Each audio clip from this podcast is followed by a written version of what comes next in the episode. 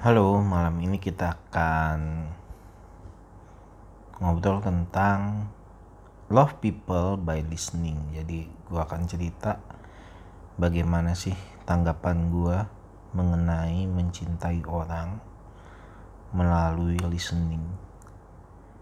Listening itu skill paling krusial di dalam sebuah hubungan antara hubungan pertemanan, hubungan keluarga, suami istri, pacaran, kantor.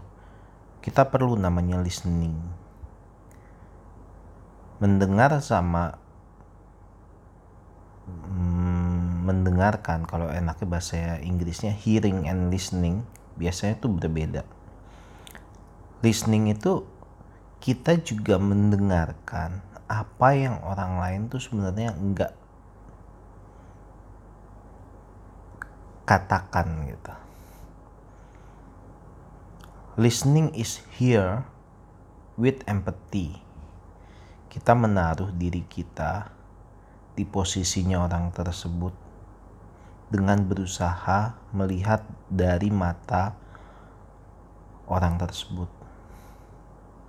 Kita harus mendengar tanpa interupsi, karena kadang-kadang orang yang mau ngobrol sama kita itu sebenarnya cuma pengen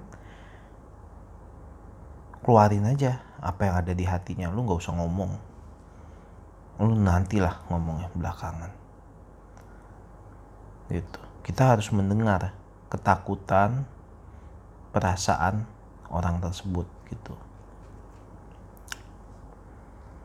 Kita harus uh, kita harus menjadi orang yang mempunyai karakteristik yang baik gitu.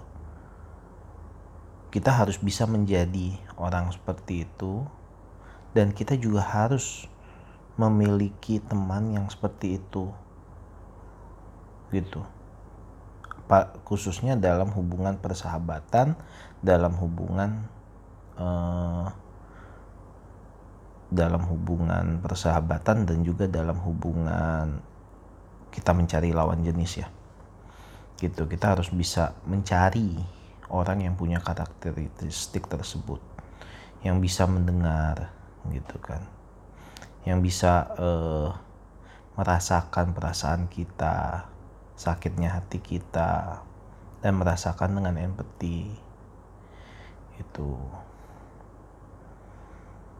dalam mendengarkan kita juga harus belajar sebuah language lain yaitu body language yang harus diperhatiin dalam mendengar.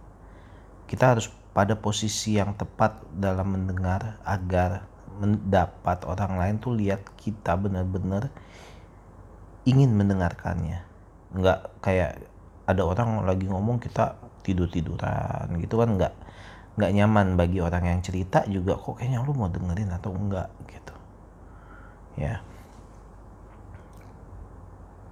Kita juga terus berusaha memikirkan apa yang kita lakukan apabila kita yang berada pada posisi tersebut. Gitu kan. Kita harus belajar bagaimana nahan mulut kita untuk enggak interruption. Gitu saat dia tuh ngomong. Kita lebih mending mikirin terus bagaimana perasaannya dia, bagaimana uh, apabila kita yang ada di posisinya, bagaimana dia perasaannya saat berbicara dengan kita, apakah merasa dihargai atau enggak. Kita harus mendengar with empathy gitu.